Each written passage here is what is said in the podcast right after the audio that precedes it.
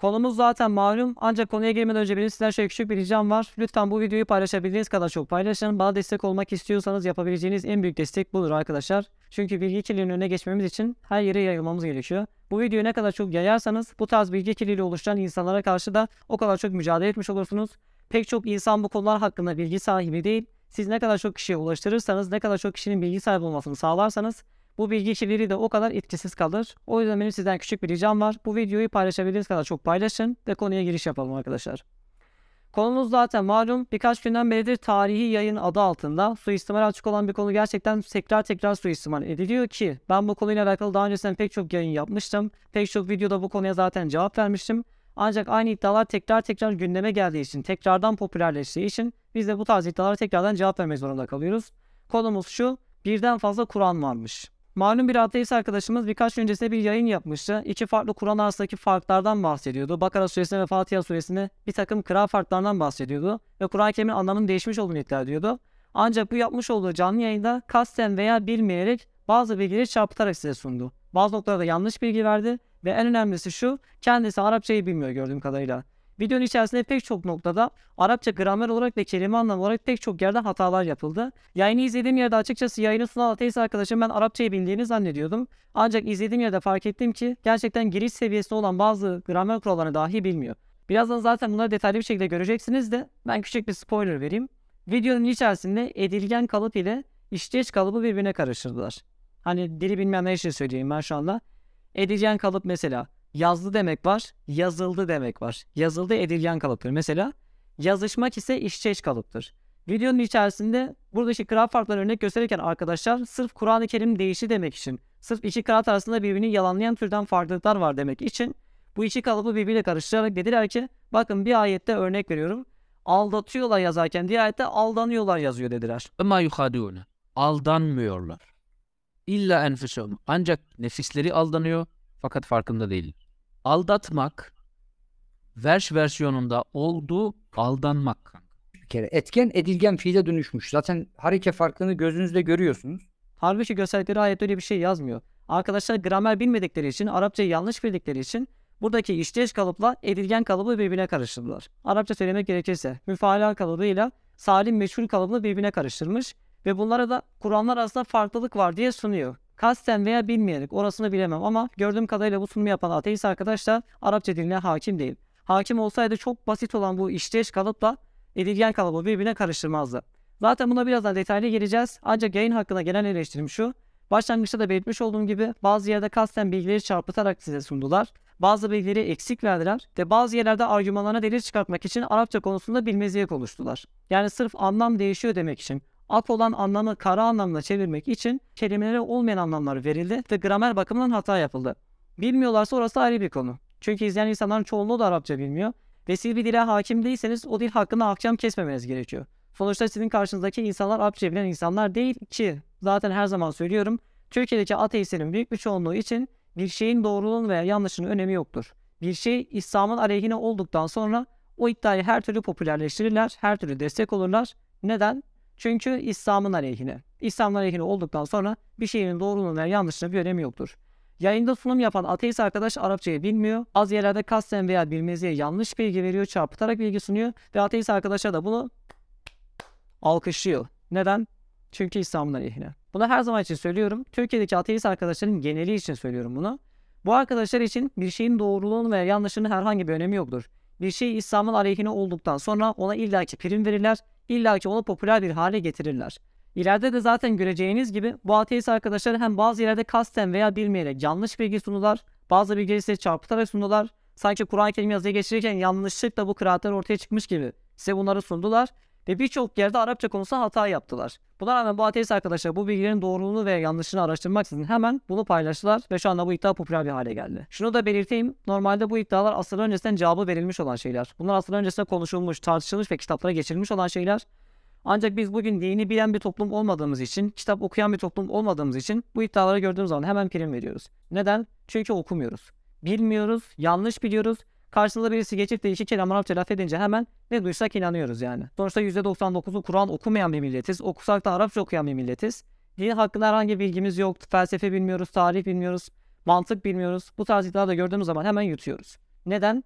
Çünkü temelde bilmiyoruz. Bizim en büyük problemimiz bu. Neyse fazla olmadan biz hemen konuya girelim arkadaşlar. Şimdiden iyi seyirler. Konuya giriş yapmadan önce şöyle bir ön bilgi vermekte fayda var. Bu ön bilgiyi aldıktan sonra zaten bu iddianın temelinde ne kadar asılsız olduğunu anlayacaksınız. Bu kral farklıları temelde peygamber kaynaklıdır. Yani şundan bahsediyorum. Kral farklılığı demiş olduğumuz olay şu. Hani birden fazla Kur'an var, 25 tane kadar Kur'an var diye size söylüyorlar ya. Bu farklı Kur'anlar aslında farklı okumalar ki zaten bu Kur'an'ın her yerine geçer değildir. Tabiri caizse 6000 küsür ayet varsa bunların en az en fazla 200 tanesinde kadar kıraat farklılığı vardır ki bunların hepsi peygamber kaynaklıdır. Ya bu okuma farklılıkları videoda sunulmuş olduğu gibi öyle Kur'an-ı Kerim yazıya geçirilirken veya noktalamalar yapılırken ortaya çıkmış olan şeyler değil. Bu kıraat farklılıkları zaten peygamberin döneminde ortaya çıkmış olan bir şey. Peygamberin onayında olan bir şey. Bununla alakalı popüler bir tarihi bilgidir ki peygamberin zamanında sahabeden bir tanesi Kur'an-ı Kerim'i farklı okuyor. Ve bu adamın yakasından Hazreti Ömer tutup peygambere getiriyor. Ve diyor ki bu adam diyor senin getirdiğinden farklı bir Kur'an okudu diyor. Peygamber önce adamın okuyuşunu dinliyor. Tamam bu doğrudur diyor. Tasdik ediyor. Ondan sonra Hazreti Ömer'in okuyuşunu dinliyor. Onun da okuyuşunu tasdik ediyor ve diyor ki Kur'an-ı Kerim 7 harf üzerine inmiştir diyor. Yani 7 kıraat. Yani anlayacağınız şu anda ortaya çıkan bu kıraat farklılıklarının hepsi peygamber kaynaklıdır, peygamberin vahyine dayalıdır. Bu kıraat farklılıklarının hepsi gördüğünüz gibi peygamber kaynaklıdır. İnsanların kendi kafalarından ortaya çıkartmış olduğu bir şey değildir. Sunumda iddia edilmiş olduğu gibi noktalama yaparken birisi noktayı üste koymuş, diğeri de alta koymuş. Biri H harfini diğeri H diye okumuş veya biri dal harfini zel diye okumuş gibisinden bir durum ortaya çıkmıyor. Böyle bir olay yok yani ortada. Buradaki farklarının hepsi temelde peygamber kaynaklıdır. Bu bir ön bilgi. İkinci ve en önemli olan nokta ise şu. Bu kıraat farkları temelde aynı şeyden bahsediyor. Türkçe bir örnek vereyim ben anlamanız için. Göndermek, iletmek, yollamak, atmak. Farklı kelimeler değil mi? Ama cümle içerisindeki kullanımlarına göre bunlar aynı anlama gelebiliyor. Mesela ben sana mesaj attım demem ile ben sana mesaj gönderdim demem arasında hiçbir fark yoktur. Farklı kelimelerdir. Ama aynı anlamı ifade eder. Ki Kur'an'daki bu kıraat farkları bu kadar bile değil. Yani göndermek ve atmak gibi böyle farklı kelimeler de değil aslında. Aynı kelimeler farklı okuyuşlar içeriyorlar. Buna zaten birazdan detaylı geleceğiz. Bir diğer kıraat farklılığı çeşidi ise şu arkadaşlar. Mesela kelimelerin veya isimlerin lehçe farkıyla alakalı oluyor. Mesela İsrail kelimesi. Kur'an-ı Kerim'de geçen bir isim biliyorsunuz İsrail kelimesi. Bizim musafımızda İsrail kelimesi İsrail şeklinde geçiyor. Bazı kıraatlerde ise İsrail şeklinde geçiyor. Bakın İsrail, İsrail. Kıraat farkı yani lehçe farkı.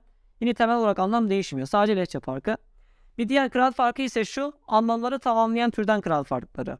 Yani iki tane kıraat var. İkisi de dolaylı olarak aynı anlamı ifade ediyor. Buna zaten birazdan geleceğiz. Şimdi konuya giriş yapalım. İlk olarak sunulan kıraat farklı iddiası şuydu arkadaşlar. Fatiha suresinin 4. ayetine geçen Meliki yevmiddin ifadesi. Bir kıraatte bu ayet Maliki yevmiddin şeklinde geçerken diğerinde Meliki yevmiddin şeklinde geçiyor. Yani bir tanesinde elif varken mim harfi ile lam harfi arasında bir elif varken diğerinde elif harfi olmadan okunuyor. Ve bunu kıraat farklılığı olarak sunmuşlar. Ancak normalde bu iki kıraatin ikisi de aynı anlama geliyor. Yani şöyle düşünün. Birisi sahip, diğerisi kral gibi bir anlama geliyor. Normalde ikisi de zaten birbirini tamamlayan anlamlar, birbirlerini yalanlayan anlamlar değildir. Yani şöyle düşünün.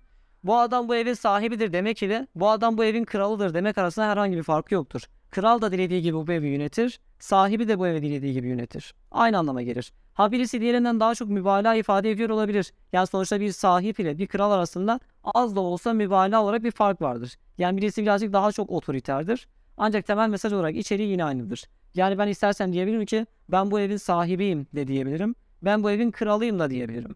Melik ile Malik arasındaki fark da buna benziyor arkadaşlar. Temel içerik olarak temel mesajı değiştirmiyor. Ancak birisi diğerinden daha mübalağalı bir ifade. Kral farklı olarak sunulan olay bu. Şimdi burada anlam değiştiren bir şey oldu mu? Hayır. Helali harama çeviren bir şey oldu mu? Hayır. Allah din gününün sahibidir olan ayet. Allah din gününün sahibi değildir aslında bir başka bir şeydir gibisinden bir şey oldu mu? Hayır. Temel mesaj değişti mi? Değişmedi. En önemlisi ve ben bunu videoda defalarca kez tekrar tekrar vurgulayacağım arkadaşlar. Çarpıtılmaya müsait olmaması için. En önemlisi bu iki kıraatin ikisi de peygamber kaynaklı, ikisi de vahiydir. İnsanların kafalarına göre oluşturmuş olduğu bir okuma falan değildir. Yayında arkadaşlar defalarca kez böyle sunuyorlar. Sanki harekeleme yaparken insanlar kafalarına göre elif eklemişler, kafalarına göre hareket eklemişler gibi sunuyorlar. Ancak bu noktada yalan söylüyorlar. Devam edelim. ikinci kıraata geçiyoruz. İkinci bir kıraat farkı örneğine gelinmiş ki zaten tam olarak bu noktadan ötürü ben bu arkadaşların Arapçayı bilmediğini iddia ettim. Çünkü yayının başından itibaren ben izlerken dedim ki bu arkadaş Arapçayı bilen birisi herhalde dedim. Ancak burada kelimeye verdikleri anlamı görünce hata zannettim. Hataen böyle bir anlam verdiklerini zannettim. Meğer bilmedikleri için böyle bir anlam veriyorlarmış ki. Çünkü aynı olayı diğer ayetlerde de yaptılar. Bakın buraya iyi dikkat edin. Bakara 9. ayette geçen yahtaune ifadesi var. Ve me yahtaune illa enfusahum. Onlar kendi nefslerinden başkasını aldatmıyorlar ifadesi farklı kıraatte yani vers musafında şöyle geçiyormuş.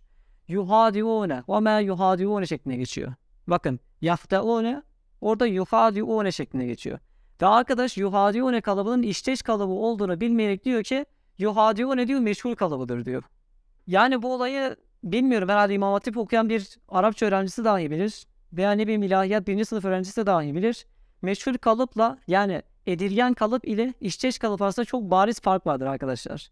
Bir şeyi işteş kalıba koymak isterseniz Arapçada ona müfaale adı verilen bir kalıp vardır. Oraya koyarsınız. Hani çok basit bir örnek vereceğim merak etmeyin sizi kasmayacağım. Yani çok zorlanacağınız bir şey değil bu. Ketebe yazdı. Bunu müfaale kalıbına yani işteş kalıbına koyarsanız ketebe olur. Karşılıklı yazışta olur. Veya ketebe yazmaya çalıştı gibisinden bir anlamada gelir. Bunu geniş zaman yaparsanız yani yazışıyor anlamı vermek isterseniz yükatibu yaparsınız. Hada'a aldattı. Hada'a aldatmaya çalıştı. Yuhadi'u ise aldatmaya çalışıyor anlamına gelir. Yani işteş kalıbına gelir. Arkadaş ise buradaki işteş kalıbı meçhul kalıp sayıyor. Yani edilgen kalıp sayıyor diyor ki onlar aldanırlar diyor. Aldatılırlar gibisinden bir anlam veriyor. Halbuki bu kelimenin öyle edilgen kalıba girmesi için وَمَا يُفْتَعُونَ olması gerekiyordu. يُخَادِعُونَ değil. وَمَا يُخْدَعُونَ olması gerekiyordu. Çünkü meşhur kalıp, edilgen kalıp bu şekilde ifade edilir. Gördüğüm kadarıyla arkadaş işteş kalıp da edilgen kalıp arasındaki farkı bilmiyor. Yani video izleyen arkadaşlar zaten Arapça bilmedikleri için bu tarz birisi karşısına çıkıp da ef'ale yuf'ilu if'alen, if'al kalıbı, tekzip kalıbı, tef'il kalıbı falan deyince ha demek ki Arapçayı biliyormuş gibisinden bir düşünceye kapılıyor. Ben burada şuna kızıyorum açıkçası. Bir alanda bilgi sahibi değilseniz o alanda ahkam kesmemeniz gerekiyor. Yani siz tıpta otoriter değilseniz insanlara gelip de tıp hakkında atıp tutmamanız gerekiyor. Şu ilacı kullan işte bu sana iyi gelir diyemezsiniz mesela. Hadi o tıp alanı ama bu da sonuçta bir dil alanı. Sen bu alan hakkında doğru bilgiye sahip değilsen, %100 hakim değilsen gidip de insanlara yanlış bilgi vermemen gerekiyor. Ama koskoca yayında aynı hatayı defalarca kez yaptılar. Zaten oraya da birazdan geleceğiz. Şimdi konuyu saptırmadan biz asıl konu üzerine devam edelim. Bakın yani siz de gördüğünüz yayında Yahdavune aldatmıyorlar, Yuhadiune aldanmıyorlar diye yazmış. Ben ne diyeceğim bilemiyorum çünkü ben burayı not alırken şok oldum açıkçası. Şok. Yani Arapçayı bilen birisi nasıl böyle bir iddiada bulunur? Şok oldum açıkçası. Şimdi gördüğünüz gibi yayında edilgen kalıp ile işteş kalıbı birbirine karıştılar. Yani yufadiune ifadesini hem işteş kalıp olan bu yufadiune ifadesini edilgen kalıba çevirerek size sundu. Ve çok bariz bir hata daha yapılıyor bu yayında. Ayette geçen ifade şok. Ve ma yufadiune burada normalde aldatmaya çalışmıyorlar anlamında. Yani bir geçişçilik var. Burayı وَمَا يُفْتَعُونَ yazıyor gibi aldanmıyorlar şeklinde çevirdi ve çok kritik bir hatayı ikinci cümlede yaptı. İlla enfusehum. Kendilerinden başkası, kendi nefislerinden başkası aldanmıyor anlamı verdi. وَمَا يُخَادِعُونَ Aldanmıyorlar. İlla enfusum. Ancak nefisleri aldanıyor fakat farkında değiller.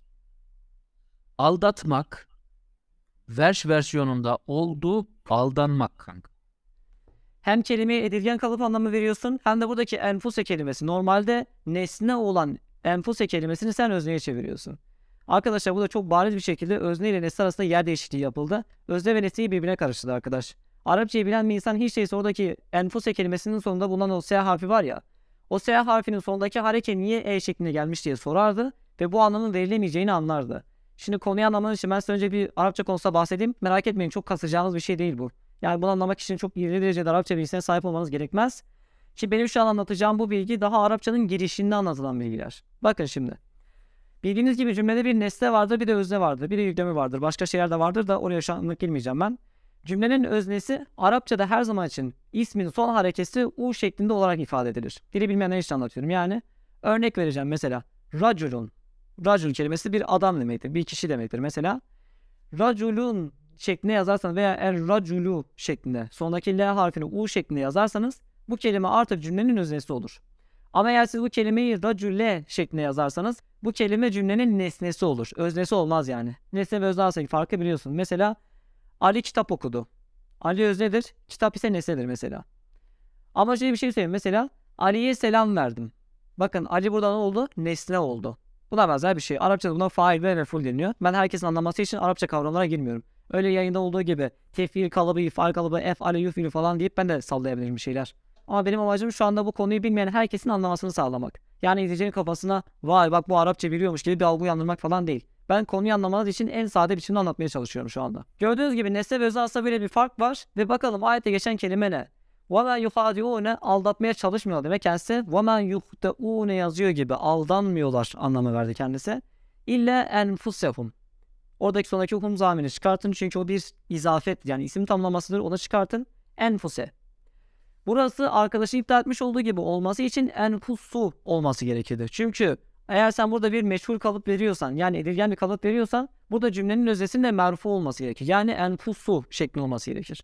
Arkadaş daha cümlede sanki orası enfus yazıyormuş gibi. Enfus ile enfus arasında farkı bilmeksizin yani fail ile mefur arasındaki farkı bilmeksizin buraya kendi nefislerinden başkası aldanmıyor anlamı veriyor. Bakın aldanan ne? Nefis. Burada nefis kelimesi özne konulu Arapça olarak. Şöyle bir örnek vereyim Kur'an'dan daha iyi için. Mesela huligal insan der Allah mesela. Huliga edilgen fiildir. Yaratıldı. Ne yaratıldı? İnsan. Bakın ne demiş ayette? Huligal insanu. Bakın özne olarak gelmiş. Arkadaş burada onlar aldanmıyorlar ancak kendi nefisleri aldanıyor. Bu anlamı vermek için orada enfus yazması gerekiyor. Ya sen bunları nasıl bilmezsin? Yıllarca din eğitimi vermiş birisisin benim bildiğim kadarıyla. Yani Arapçayı da hakimmiş gibi bir algı veriyorsun insanlara. Bu konuyu nasıl bilmiyorsun? Ya bunlar giriş seviyesindeki bilgiler arkadaşlar. Bakın bunlar öyle çok doktora gerektiren bilgiler falan değil. Öyle çok arşiv yapmanızı gerektiren bilgiler falan değil bunlar. İki makale okusanız siz dahi anlarsınız. Arkadaş bu bilgileri nasıl bilmiyor ben anlamıyorum. Ve sizin karşısına çıkıp da böyle Arapça iki kelam edince efale yufiri ifalen kalıbından geliyor, tefir kalıbından geliyor falan deyince Arapça biliyor zannediyorsunuz. Gördüğünüz gibi bilmiyor. Giriş seviyesindeki bilgiler bunlar ya. Bunları nasıl bilmiyor? Ben bunu anlamış değilim. Konuya gelecek olursak ayetin o kısmı şu şekilde arkadaşlar bizim bu safımıza وَمَا يَفْتَعُونَ اِلَّا اَنْفُسَهُمْ Kendi nefislerinen başkasını aldatmıyorlar. Diğer kıraatte ise şöyle oluyor. Onlar kendi nefslerinden başkasını aldatmaya çalışmıyorlar oluyor. Temel anlam buydu aslında ancak derseniz ki bu iki kıraat arasında bir farklılık var mı derseniz hayır. Yine başlangıçta belirtmiş olduğum gibi temel mesaj aynı olmakla birlikte şöyle bir durum var arkadaşlar. Buradaki yuhadiune yani işteş kalıp Arapça adıyla söyleyeceğim. Müfaale kalıbı her zaman için işteşlikle ifade etmeyebilir. Bazen bu kelime normal fiil yerine de kullanılabiliyor. Yani siz yaftaune ifadesine aldatırlar anlamı veriyorsunuz ya. Aynı şekilde yuhadiune ifadesi de aldatırlar anlamına gelebiliyor. Buna da Arapçada tatmin denir arkadaşlar. Tatmin. Yani bir kelimenin veya bir kalıbın başka bir kalıp yerine kullanılan tatmin denilir ki bana şunu söyleyebilirsiniz. Hubeyb sen bu kuralı belki kendi kafandan uyduruyorsun. Biz senin doğru söylediğini nereden bilelim? Bunu sormanızı beklenirsin açıkçası. Bu konuyla alakalı asıl öncesi yazılmış olan tefsirlere bakabilirsiniz. Ben sadece bir tane örnek veriyorum. Beydavi. Beydavi de diyor ki bu iki fiil de birbirine kullanılabilir. Buradaki yufadiyo ifadesi yani buradaki farklı olan Beş musafındaki bu ifade diyor mübalağa amaçlı kullanılmıştır diyor. Abartı. Yani temel olarak aynı anlama geliyor. Yafta o ne de okusanız aynı anlam ifade ediyor. Yufadiyo ne de okusanız aynı anlam ifade ediyor. Farklı bir şey ifade etmiyorlar. Bu arkadaşlar yayında biri aldatırlar, diğerisi aldanırlar gibi bir anlam veriyorlar ve olayı yanlış anlamanıza sebep oluyorlar. Bu arkadaşlara tavsiyem en kısa sürede Arapça öğrensinler. Çünkü milleti kandırmanın hiçbir anlamı yok. Millete yanlış bilgi vermenin hiç anlamı yok. Bunlar giriş seviye bilgiler arkadaşlar. Bunlar yani çok ileri seviye Arapça gerektiren bilgiler değil. İki makale okusanız siz de anlarsınız bu konuyu. Yayının devamında bu konuyla alakalı demişler ki Araplar hareketleri aynı okuyorlardı diyorlar diyor. Ancak bu olay ayrı okuduklarının yani farklı okuduklarının kanıtıdır. Demek ki hareketsizken farklı okuyorlardı diyorlar ve burada işte şu şekilde çarpma yapıyorlar. Araplarda şey bir durum yok. Aslında daha doğrusu Kur'an'da şey bir durum yok. Şimdi şu Kur'an diyelim tamam mı? Bu Kur'an'ı açıyorlar. İşte burada hareketsiz noktasız bir Kur'an musafı var. Adam ayeti okuyor diyor ki ya ben buradaki ha harfini cim diye okuyacağım. Veya öbürü geliyor ben hı diye okuyacağım diyor. Veya şu nokta üstte değil altta olması gerekirdi. Sanki böyleymiş gibi ses sunuyorlar. Böyle bir durum yok aslında. Araplar ki zaten bunun en açık ispatı şu. ilk dönemki tefsirlere ve yazılmış olan Arapça kitaplara bakabilirsiniz. Herkes diyor ki bu ayeti kıraat imamı nasıl okumuş? Buna bakıyorlar. Bakın peygamberden okunan vahiy nasıl okunmuş ona bakıyorlar. Ve tefsiri yazan adam mesela burada örneği var Kurtubi veya Beydavi veya Fahrettin Razi hiç fark etmez. İlk dönemki klasik tefsirlere bakabilirsiniz. Bu adamlar Kur'an-ı Kerim yorumlarken daha doğrusu Kur'an'ı okurken diyorlar ki Hamza bu ayeti böyle okudu. Nafi bu ayeti böyle okudu. Onların okuyuşunu baz alıyorlar. Yoksa öyle hareketsiz noktası bir musafa alıp da efendim burada belki cim yazıyordur ya burayı ben cim diye okumayacağım ha diye okuyacağım veya hı diye okuyacağım gibi sen şey yapmıyorlar. Ancak bu arkadaşlar ise Araplar farklı okuyorlarmış demek ki. Argümanla delil olarak bu olayı öyle sürüyorlar. Ancak işte bu noktadaki temel olay yine bilgisizliğe geliyor. Konuyu siz bilmiyorsunuz. Kendileri de bilmiyorlar ve büyük bir çoğunluk da zaten bu konulara hakim değil. Hakim olmadıkları için de işte kim ne söylerse söylesin herkes yiyor yani. Cehalet öyle bir level atlamış ki ülkede. Herkesi kandırabiliyorsunuz yani. Kandırmak çok kolay bir hale gelmiş. Özellikle din alanında ki zaten halk olarak %99'u Kur'an okumayan bir milletiz. Okusak da Arapça okuyan bir milletiz. İçeriğini merak etmeyen bir milletiz. Bilmiyoruz yani. Bilmediğimiz için birisi karşımıza çıkıp böyle iki kelam Arapça konuştuğu zaman hemen inanıyoruz. Bilmediğimiz için de karşına çıkıp işte Kur'an değişti, iki farklı Kur'an var dedikleri zaman hemen bu iddiaları yutuyoruz. Eskilerin güldüğü ve ciddiye almadığı iddiaları, biz bunların zaten cevabını verdik dediği iddiaları biz bugün cahil olduğumuz için yiyoruz. Bunun başka bir açıklaması yok. Devam edelim. Bir başka kıraat örneği olarak Bakara Suresi'nin 10. ayet örnek verilmiş. Bakın kıraatlerden bir tanesinde bir merkanu yekzibun yalan söylemeleri sebebiyle yazarken diğer kıraatte ise bir merkanu yükezzibun şeklinde geçiyor. Yani yekzibu farklı bir şey, yükezzibu farklı bir şey. Böyle sunuluyor. Yine hareket farklı diyor. Ve videoyu sunan arkadaş diyor ki biri yalan söylediler diğeri ise yalanladılar anlamdadır diyor. Tefsir kalıbından gelmiştir diyor. Ayette ne diyordu? Fi gulubihim meradun. Onların kalplerinde bir tür hastalık vardır. Fezedehumullahu merada. Allah onları hastalık bakımından arttırdı. Ve lehum azabun elimun. Onlar için acı bir azap vardır. Bir merkanu yeksibun. Yani onların yalan söylemeleri sebebiyle kendileri için acı bir azap vardır. Diğer kıraatte ne diyor? Yalanlamaları sebebiyle kendilerine acı bir azap vardır diyor. Hak gelmiş yani bir gerçeklik ortaya çıkmış. Sen bu gerçeğin doğru olmadığını söylersen, onunla dalga geçersen, onun hakikat olmadığını söylersen yalan söylemiş olursun. Ortada bir hakikat var. Sen bu hakikat hakkında bu yalandır dediğin zaman yalan söylemiş de olursun. Aynı zamanda hakikati yalanlamış da olursun. Bakın işi kıraat aynı manaya geliyor. Dikkat edin. İçerik olarak aynı manaya geliyor. Hakikat var yani peygamber gelmiş. Bu peygamberin yalancı olduğunu söylüyorsun. Yalancı olduğunu söylerken sen bir kez ediyorsun. Yani yalan söylüyorsun. Aynı zamanda onu yalanlamış oluyorsun. Bakın ikisi aynı şeyi ifade ediyor. Değişen bir şey olmuyor. Ortak anlam yine aynı oluyor. Temelde değişen hiçbir şey olmuyor. Bu arkadaşlar ikisini farklı bir şeymiş gibi sunuyorlar ki ilave olarak şunu belirteyim. Burada az önce bahsetmiş olduğum durumda biliyorsunuz. Hani orada müfala kalıbına, işleş kalıbından falan bahsetmiştim. Burada tefil kalıbından bahsediliyor. Tefil kalıbı her zaman için yalanlamak anlamına getirmez bu kelimeyi. Yani şöyle düşünün. Kezibe yalan söyledi. Kezzebe yalanladı. Tefil kalıbı normalde bu anlama gelir. Yekzibu yalan söylüyor. Yükezzibu yalanlıyor. Bu anlama gelir. Ancak yükezzibu kelimesi yani tekzip kalıbı, tefil kalıbı aslında her zaman kelimeyi bu anlamı vermez. Bazen bir şeyin çokça olmasını ifade eder. Yani şöyle mesela gatele katletti demek. Gattele yaparsanız yani bunu tefil kalıbına koyarsanız bu kelimenin olduğu gibi yani yükezzi bu fiilin olduğu gibi mesela yugattilu derseniz bu çokça katletti anlamına gelir. Bakın yaktulu katlediyor. Yugattilu katlediyor. Çokça katlediyor. Bakın yine aynı anlama geliyor. Birisi sadece bir tık daha çok mübalağa içeriyor. Ve bu ayette de bir merkenu yükezzibun kıraati tercih edilse de aynı anlama geliyor. İkisi de yalan söylüyor anlamına geliyor. Birisi onların yalan söylemeleri sebebiyle kendilerine acı bir azap vardır derken diğeri çokça yalan söylemeleri sebebiyle onlara acı bir azap vardır anlamına geliyor. Temel mesaj değişti mi? Hayır. Geldiği gitti yaptı mı? Hayır. Helali haram yaptı mı? Hayır. Temel mesaj değişti mi? Hayır. En önemlisi bu vahyin hepsi peygamber kaynaklı mı? Evet. Tamamdır. Bu saatten itibaren zaten olayı artık anladığınızı düşünüyorum. Bu arkadaşlar olayı bir size sunuyorlar ki sanki bir kıraatte farklı bir anlam varken birisine ak derken diğerine kara dermiş gibisinden bir algı operasyonu yapıyorlar ki bu tamamen yanlış bir şey. Tamamen asılsız bir şey. Ve en önemlisi tekrar tekrar belirtiyorum ki bunu videoda tekrar tekrar vurgulayacağım. Bu kıraat farklılıklarının hepsi peygamber kaynaklıdır. Peygamber bu ayeti yekzibun diye de okumuştur, yükezzibun diye de okumuştur. Ki iki kıraatin ikisi de aynı anlama geliyor. Devam edelim. Videoda bir başka kıraat örneği olarak şunu vermişler. Bakara suresinin 58. ayeti. Bu ayette bir kıraatte nagfir lekum sizin için bağışlayalım yazarken diğerde ise yugfer lekum ifadesi geçtiğini söylüyor. Diyorlar ki işte bakın harf değişikliği var. Yani nun harfi y'ye dönüşmüş. Hatta videoda şöyle bir ifadede bulunuyorlar. İşte nokta üstteymiş alta koymuşlar falan diye bir şeyler söylüyorlar burada. Y ve nun harfi aynı yazılıyor demişler. Başlangıçta hareke olmadığı için birisi üstüne nokta koymuş. Diğeri ise kelimenin yani bu harfin altına nokta koymuş falan diyorlar. Noktalama yapılırken de farklı okumalar bu şekilde ortaya çıkmış diyorlar.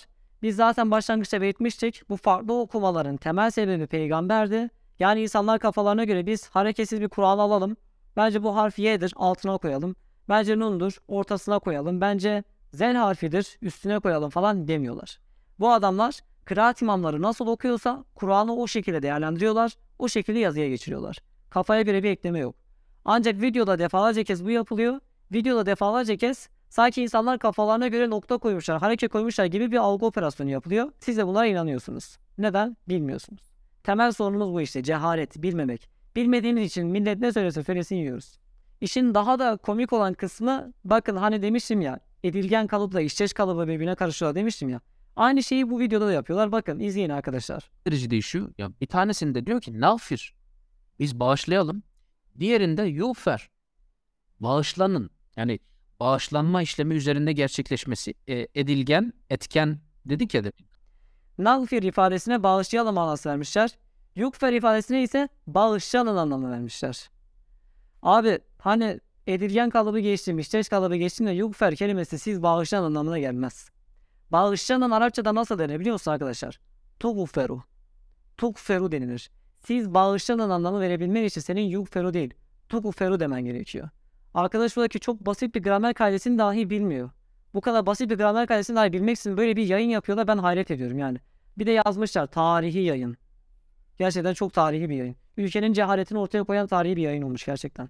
Yine konuya gelecek olursak iki kıraati baz alalım. Ne diyordu? Hatalarınızı bağışlayalım ifadesi diğerine ne olmuş? Hatalarınız bağışlansın. Normalde olur. Yugfer lekum. Sizin için hatalarınız bağışlansın. Normalde anlamı budur. Mesela iki kıraat arasında temel mesajı işte yine bir şey var mı yok mu bakalım. Sizin için hatalarınızı bağışlayalım var. Nagfir lekum. Yani sizin için bağışlayalım. Neyi bağışlayalım? Hatayı lekum. Hatalarınızı bağışlayalım. Diğer kıraatte ise şöyle söylüyor. Sizin için hatalarınız bağışlansın. Burada yine temel mesajı değiştiren bir durum söz konusu değil arkadaşlar. Şöyle anlatayım ben size. Kapı açıldı. Veya kapıyı açtı. Değişen bir şey var mı? Cümlenin bağlamı içerisinde diyebilirim ki mesela Ahmet kapıyı açtı. Veya şunu söyleyebilirim kapı açıldı. Birisinde kapıyı kimin açtığından bahsetmiyorum. Diğerinde ise kapıyı kimin açtığından bahsediyorum. Ama temel mesaj değişmiyor. Şimdi İsrail olanı düşünün. Allah sonuçta vahiy yollamış, peygamber yollamış ve onlarla muhatap oluyor. Diyor ki hatalarınızı bağışlayalım diyor. Kim bağışlıyor? Allah. Biz bağışlayacağız. Yani biz Allah. Allah iltifat sanatı kullanıyor. Biz bağışlayacağız diyor. Diğerinde ise kendisini belirtmek için diyor ki hatalarınız bağışlansın diyor. Muhatabı zaten bağışlayanın Allah olduğunu biliyor. Birisine fail belirtilmemiş yani kimin bağışlayacağı belirtilmemiş. Diğerinde ise belirtilmiş.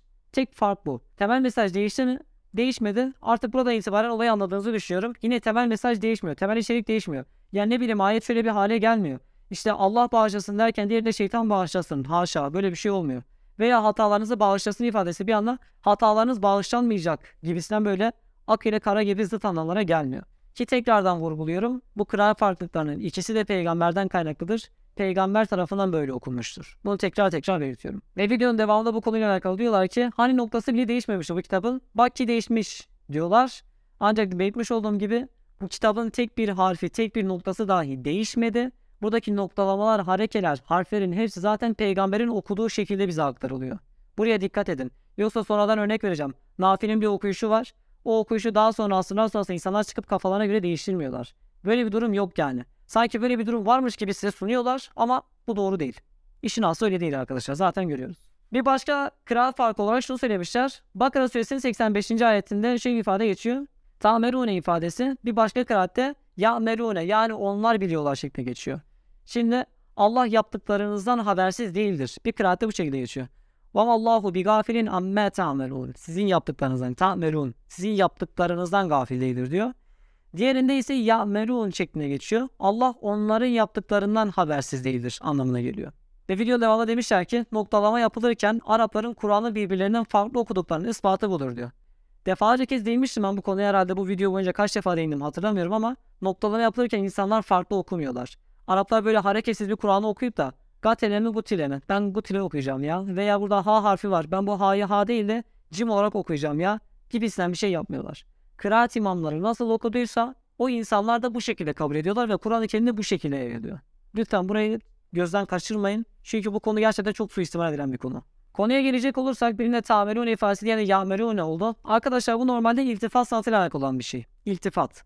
Şöyle anlatayım ben size buna zaten pek çok videomda değinmiştim. Herhalde 50 defa değinmişimdir şu ana kadar. İltifat sanatı söz içerisindeki bir anlık gerçekleşen üslup değişikliğidir. Yani şöyle düşünün. Muhatabınızdan sen siz diye bahsederken bir anda muhatabına o diye bahsedebiliyorsunuz. Veya şöyle anlatayım. Ben kendimden ben diye bahsederken bir anda kendime o diye anlatabiliyorum. İltifat sanatıdır. Türkçe'de de örnekleri vardır. Bununla alakalı zaten bir yayın yaptım. Tekrardan belirtmeme gerek yok bu konuda fazla uzatmak istemiyorum. Bu ayette de iltifat sanatı var. Birincisinde Allah orada tehdit etmiş olduğu kişileri muhatap alarak diyor ki Allah yaptıklarınızdan habersiz değildir diyor. Onları muhatap alıyor. Diğerinde ise muhatapların üçüncü şahsı alıyor. Diyor ki Allah diyor onların yani o insanların benim bu tehdidi yapmış olduğum insanların yaptıklarından habersiz değildir diyor. İltifat sanatı uygulanıyor. Zaten iltifat sanatı Kur'an'da pek çok ayette görülür yani Allah'ın işte kendisinden o diye bahsetmesi gibi. O gökten bir su indirir. İşte o her şeyi yaratandır gibi kendisi üçüncü şahıs olarak anlatmasına iltifat sanatı deniyor. Bu ayette de iltifat sanatı uygulanmış. Bir kıraat doğrudan muhataplarını baz almış, diğer kıraatte ise iltifat sanatı uygulanmış. Temel mesaj olarak yine aynı yere geliyor. Hiçbir şey değişmiyor. Sadece bir tanesi iltifat sanatı uygulanmış. Temel olarak anlamın değişmediğini zaten siz de görüyorsunuz. Fazla uzatmaya gerek olduğunu düşünmüyorum bu konunun. Diğer iddialarına geçelim. Bir başka kıraat farkı olarak Bakara Suresi'nin 119. ayet örnek veriliyor yayında. Tus elu ve tes el şeklinde bir fark olarak veriliyor. Ve la tus elu sen sorumlu değilsin edilgen kalıp. Diğerinde ise ve la tes el sorma anlamına geliyor. Biri mesul değilse anlamına geliyor. Diğerinde ise Allah peygamberine bunu sorma diyor. Böyle bir anlam var. Demişler ki Kur'an'da bu elif harfleri yok sonradan ekleniyor demiş. Video boyunca ben zaten bunu 50 defa anlattım herhalde. Tekrar tekrar değinmeye gerek duymuyorum. Biz önce bir ayeti okuyalım arkadaşlar. Bakara suresinin 119. ayeti. İnna erselneke bile hakkı beşiran ve nezira. Biz seni hak ile bir beşir olarak yani müjdeci olarak ve nezir olarak uyarıcı olarak gönderdik. Ve la tus'elu an ashabil cahim. Sen cehennem ashabından yani cahim ashabından mesul değilsin. Diğer kıraatte burası ve la tus'el şeklinde sorma şeklinde okunmuş. Yani sen cahim ashabından sorma şeklinde okunmuş. Buradaki iki kıraat birbirini tamamlayıcı türden olan kıraatlerdir. Yani şöyle iki cümleyi yan yana getirin. Daha iyi anlamanız için söylüyorum bunu. Sen cehennem ashabından sorma. Çünkü sen cehennem ashabından sorumlu değilsin. Bakın iki kıraat birbirini tamamladı aynı anlama geldi. Ki zaten sadece birisini seçseniz aynı anlama geliyor. Yani Allah bir nevi peygamberine diyor ki sen cehennem ashabından sorumlu değilsin. Onları kendine dert etme diyor. Diğerinde ise diyor ki cehennem ashabını sorma. Sen zaten onlardan sorumlu değilsin. Sen zaten onların çekeceği azaptan dolayı bir sorumluluk sahibi değilsin. Bakın yine aynı anlama geliyor. Farklı üsluplarla anlatılmış ama temel mesaj yine aynı. Yine değişen hiçbir şey olmamış. Ki yine tekrardan belirtiyorum. Bu ayeti peygamber zaten iki şekilde de okuyor. Peygamber iki şekilde de okuduğu için bu ayet zaten bu şekilde kıraat olarak kabul ediliyor. Bu şekilde metinlere geçiriliyor.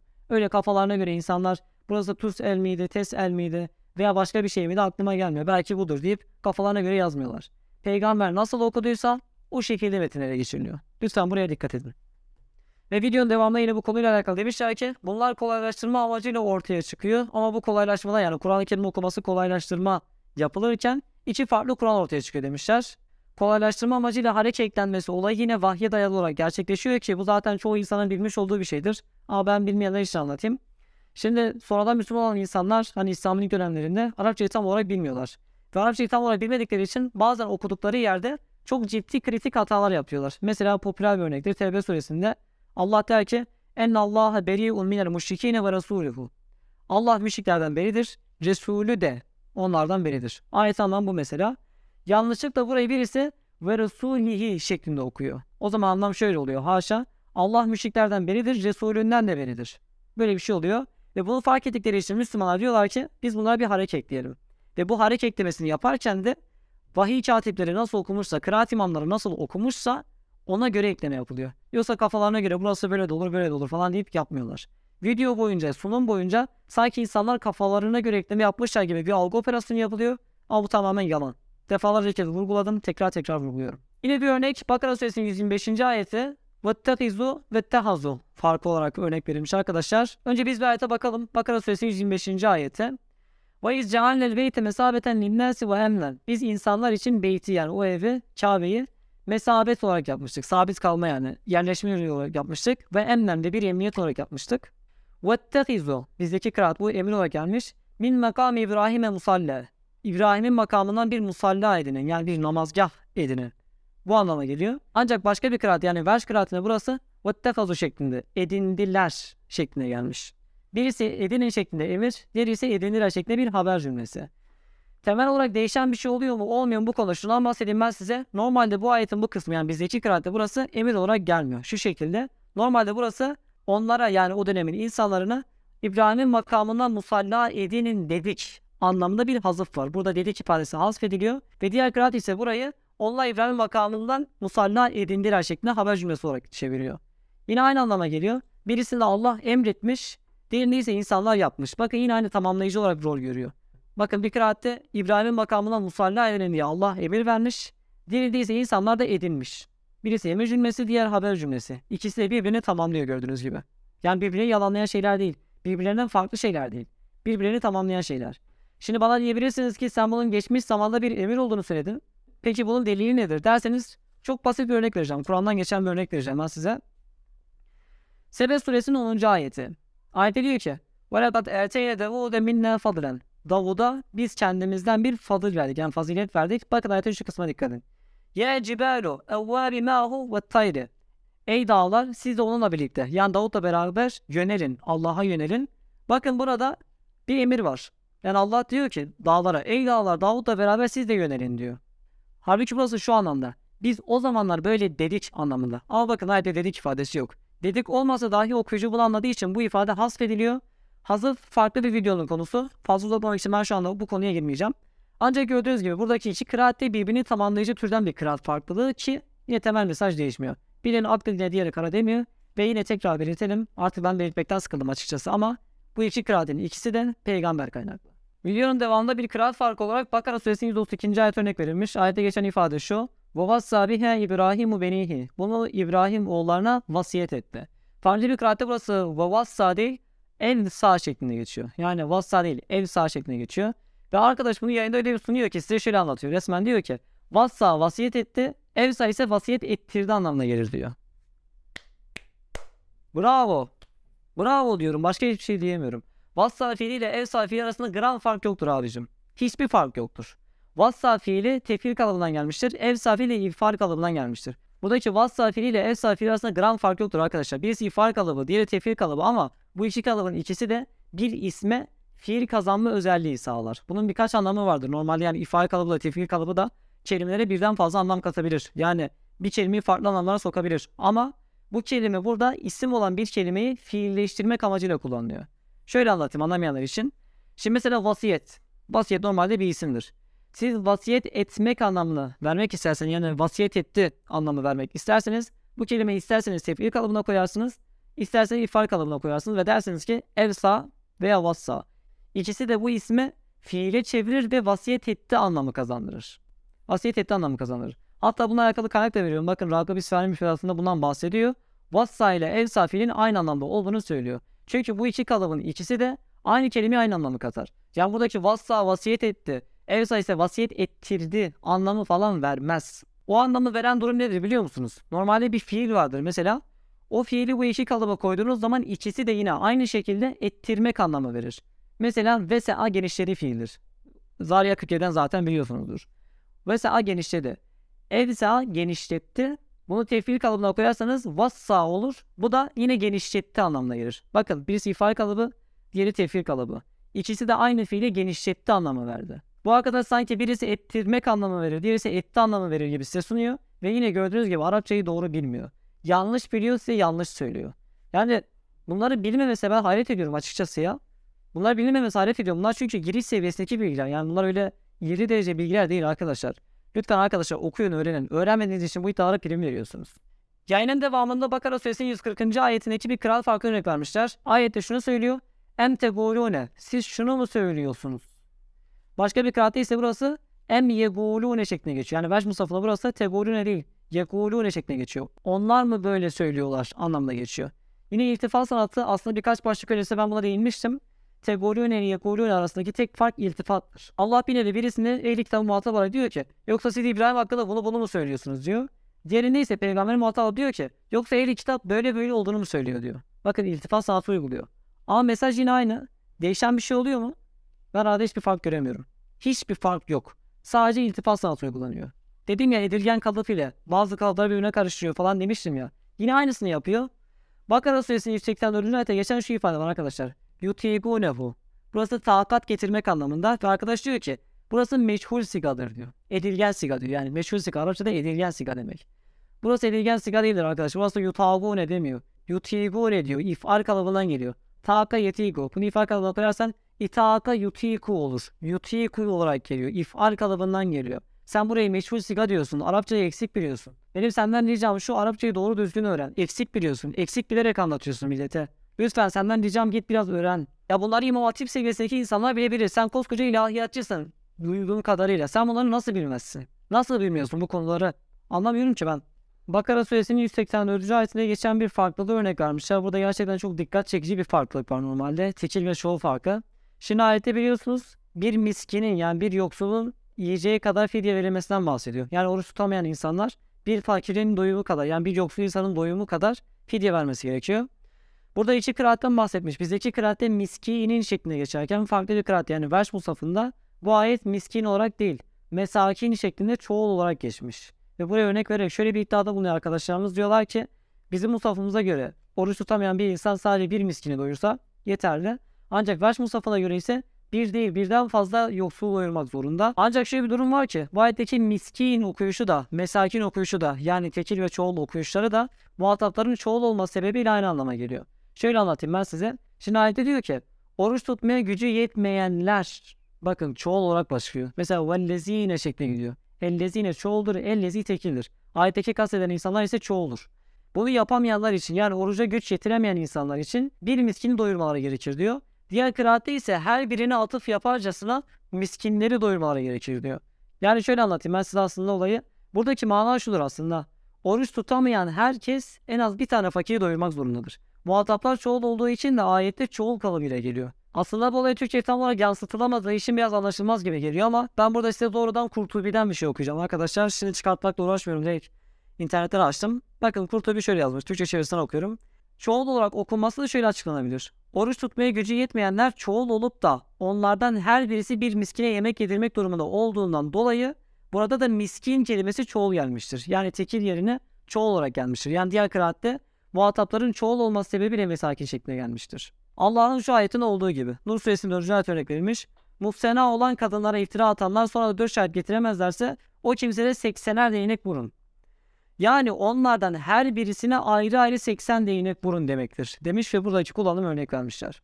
Yani gördüğünüz gibi mesakin okuyuşu da miskin okuyuşu da aynı anlam ifade ediyor. Yani oruç tutmaya gücü yetmeyen herkes verş musafına dahil olarak mesakin okuyuş yani yoksullar okuyuşla dahil olmak üzere her biri sadece bir tane yoksul doyursa yetiyormuş. Yani iki kıraatin de aslı anlamı şu oluyor. Oruç tutmaya gücü yetmeyen her bir insan bir tane yoksul doyurmak zorundadır. Ayetin anlamı bu oluyor. İstersen mesakin diye oku, istersen miskin diye oku ki ilave olarak şunu belirteyim. Tatmin diye bir kuraldan bahsetmiştim. Arapçada bazen kalıplar birbiri yerine kullanılabiliyor. Kelimeler birbiri yerine kullanılabiliyor. Alakalı video gelecek inşallah. Mesela darabe fiilinin biliyorsunuz Kur'an'da bazı ayetlerde vurmak dışında örnek vermek anlamına gelmesi gibi veya darabe fiilinin zuhruf 5'te olduğu gibi uzaklaşma, yüz çevirme anlamına gelmesi gibi bir kelimenin başka bir kelime yerine kullanımı Arapçada tadmin diyoruz arkadaşlar.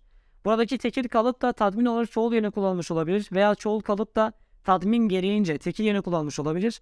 İki kıraatin ikisi de her halükarda aynı anlama geliyor. Hatta bu konuyla alakalı şu anda aklıma geldi. Bir örnek verilebilir. Mesela Kur'an'da bazen onların salatı der, onların namazı der. Bazen onların namazları der. Bazen salat der, bazen salavat der. İkisi de aynı anlama geliyor mesela. Bir ayette ise onların diyarı der. Bir ayette ise onların diyarları der. Aynı anlama geliyor mesela. Yani biri tekil diğeri çoğul olduğu halde birbiri yerine kullanılabiliyor Arapçada. Bakın iki kıraatin ikisi de yine aynı anlama geliyor ki iki kıraatin ikisi de peygamber kaynaklı. İnsanların kendi kafalarına oluşmuş olduğu bir şey değil. Hatta bununla alakalı şöyle bir örnek de verilebilir. Tekil kelimenin çoğul yerine kullanımıyla alakalı. Bakara suresinin 87. ayeti. Mesela diyor ki lekat eteyne Musa'l kitabe. Musa'ya kitabı verdik ve kaffeyne min ba'dihi bir rusul. Ve onun arkasına ardından yani elçiler taktık, elçi yolladık. Ondan sonra ayetin şu kısmı bakın. Kulleme ce'ekum rasulun. Size her bir resul geldiği zaman. Bakın burada mesela resulün kelimesi tekil gelmiş ama normalde resuller geldi. Onlara sadece bir tane resul gelmedi. Onlara resuller geldi. Farklı farklı zamanlarda resuller geldi. Burada gördüğünüz gibi mesela resulün kelimesi tekil de olsa çoğul anlamda kullanılmış. Buna benzer pek çok örnek verebilir aslında.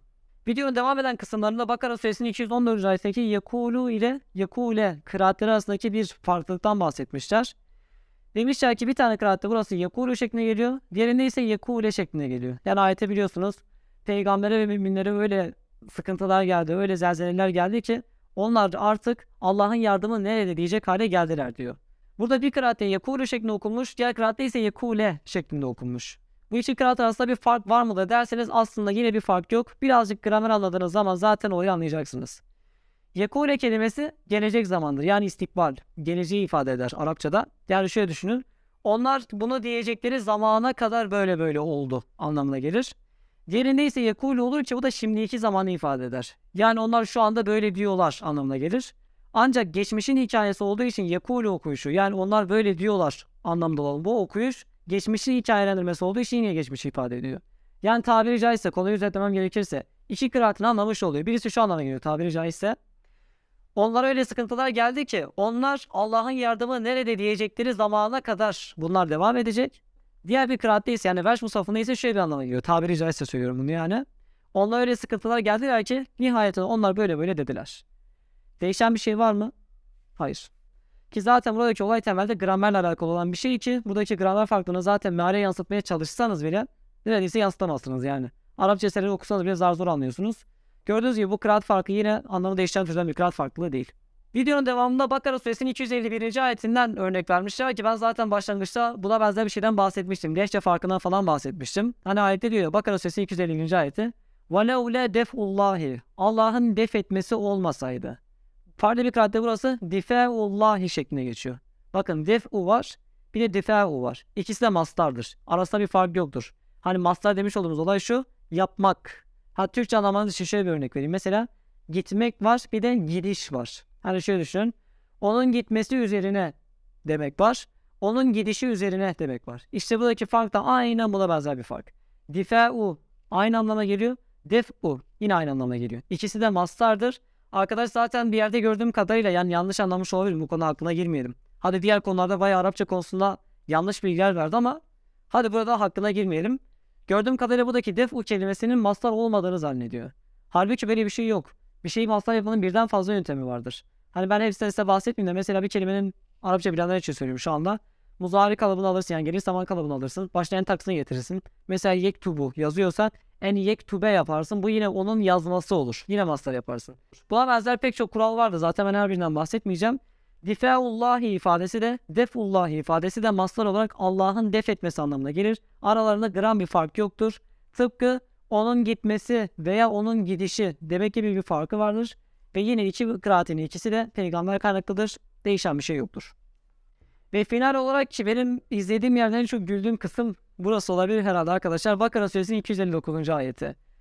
Burada bir peygamberin öyküsü anlatılıyor. Yani bir adam bir kasabaya geliyor. Orada işte Allah onu vefat ettiriyor. Ondan sonra bir süre sonra diriltiyor. Bak diyor işte yemeğine bak diyor. Hiç bozulmamış. Eşeğine bak diyor. Nasıl onu yutuyoruz falan diye.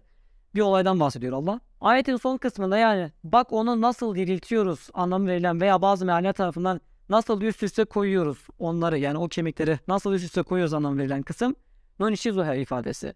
Buradaki Nunishizuhe ifadesi bir başka kıraatte Nunishiruhe şeklinde okunmuş. Yani neşere kökünden değil neşeze kökünden okunmuş bir başka kıraate göre. Birisi inşas, diğeri ise inşar. Arkadaşlar Arapçayı tam bilmediği için, kelime anlamını tam bilmediği için videonun bu noktasına diyorlar ki nüşuz diyor üstünlük taslama anlamına gelir diyor. Yo nüşuzun üstünlük taslama gibisinden bir anlamı yoktur arkadaşlar. Nüşuz normalde yani birden fazla şey için kullanılıyor ama nüşuzun aslı kalkmak demektir. İrşad ise kaldırmak, ayağa kaldırmak demektir. Mücadele suresinde mesela bunun bir örneği var. Size kalkın denildiği zaman, size nüşuz edin denildiği zaman diyor mesela Allah. Bakın nüşuz fiili kalkmak anlamına geliyor. Kalkıp, ayağa kalkıp çekilmek anlamına geliyor. Ancak nüşuz fiili sadece bu anlamda kullanılmıyor. Bakın burada Rakıb İsfahan'ın sözlüğünü de açtım. Şu an ona bakıyorsunuz zaten. Nüşuz fiili aynı zamanda ölüyü diriltmek anlamına da geliyor. Neşeze ayağa kalktı. İnşaz ise ayağa kaldırmak ya. Ayette ise inşaz kelimesi geçiyor zaten.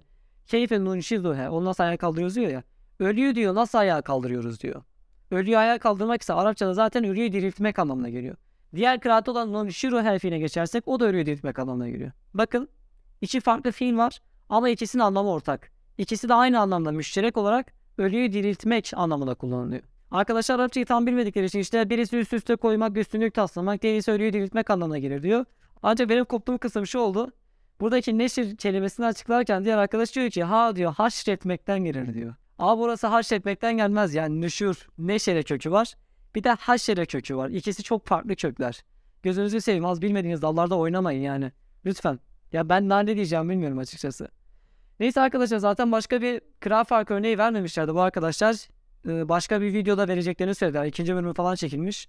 Ancak şu an anlatmış olduğum kral farklarının temel mantığını anladıysanız bu arkadaşlar isterlerse bu konu hakkında 50 tane farklılık daha göstersin. İşte Nisa suresinde, Tevbe suresinde, Enfal suresinde işte şu kıraatte bu yazıyor, bu kıraatte bu yazıyor desinler. Bu hiçbir şeyi değiştirmiyor. Çünkü benim bu videoda anlatmış olduğum temel mantığı anladıysanız, bu kıraat farklarının temelde peygamber kaynaklı olduğunu anladıysanız bu arkadaşlar istedikleri kadar kıraat farkı göstersinler değişen bir şey olmuyor. Sonuçta hepsi vahiy. Biz hiçbirisini yalanlamıyoruz yani. O yüzden bu videonun temel mantığını anladıysanız diğer videolarında sunacakları argümanlara karşı da temel cevabı zaten almış oldunuz arkadaşlar. Yine de gerekirse ikinci bölümle alakalı bir canlı yayın yaparım inşallah. Ama şimdi bu kadarı yeterli herhalde. Ek olarak şöyle bir eleştiri yapmışlar. Peygamber bu Kur'an'ı tamamlamadan nasıl öldü diye bir soru sormuşlar. Peygamber zaten Kur'an-ı Kerim'in inişi sırasında düzenlenmesine kadar, yerleştirilmesine kadar her şeyine zaten müdahildi. Hatta bununla alakalı şey tarihi bir kaynak var. Hazreti Osman diyor ki biz bir ayet geldiği zaman diyor peygambere sorardı. Peygamber bize derdi ki bu ayeti şu mevzunun olduğu bölüme yaz derdi diyor. Bakın peygamber ayetleri kendisi yazdırıyor zaten. Yani peygamber zaten Kur'an'ı tamamlamış, Kur'an'ı ayarlamış yani. Sonra yani peygamberin haberi olmaksızın birileri peygamberden duymuş oldukları sözleri bir araya getirip Kur'an'ı oluşturmadı yani. Peygamber Kur'an'ı kendisi tamamladı. Videonun başlangıcından beri belirtmiş olduğum olay şuydu arkadaşlar. Kral farklılıklarının hepsi, bu farklı musaf diye sunmuş oldukları farklılıkların hepsi peygambere dayalı, peygamberden kaynaklı ve bu kral farkları arasında temel mesajı değişen hiçbir şey yoktur. Mesaj attım ile mesaj gönderdim demek gibi bir fark var. Bu kadar yani. Daha ötesi yok. Ki şunu belirteyim bu arkadaşların bulamayacağı kadar daha çok kıraatler var. Ben bununla alakalı zaten bir liste yapmıştım. O listeyi de paylaşayım mı paylaşmıyorum bilmiyorum ama bazıları suistimal edeceği için paylaşmamaya karar verdim. Bu arkadaşların buldukları kral farkları hiçbir şey değil. Ancak ben size şunu söyleyebilirim ki bu görmüş olduğum farkların hiçbirisinin temelde mesajı değiştirmemiş olduğuna ben şahit oldum. Yeter ki siz konuyu iyi anlayın. İyi anladıktan sonra bu arkadaşların zaten bu iddialarına prim vermezsiniz. İzlediğiniz için teşekkür ederim arkadaşlar. Destek amacıyla yorum yapmayı ve paylaşmayı lütfen unutmayın. Yorum yaptıkça ve paylaştıkça videolar daha çok ön plana çıkıyor. Görüşmek üzere.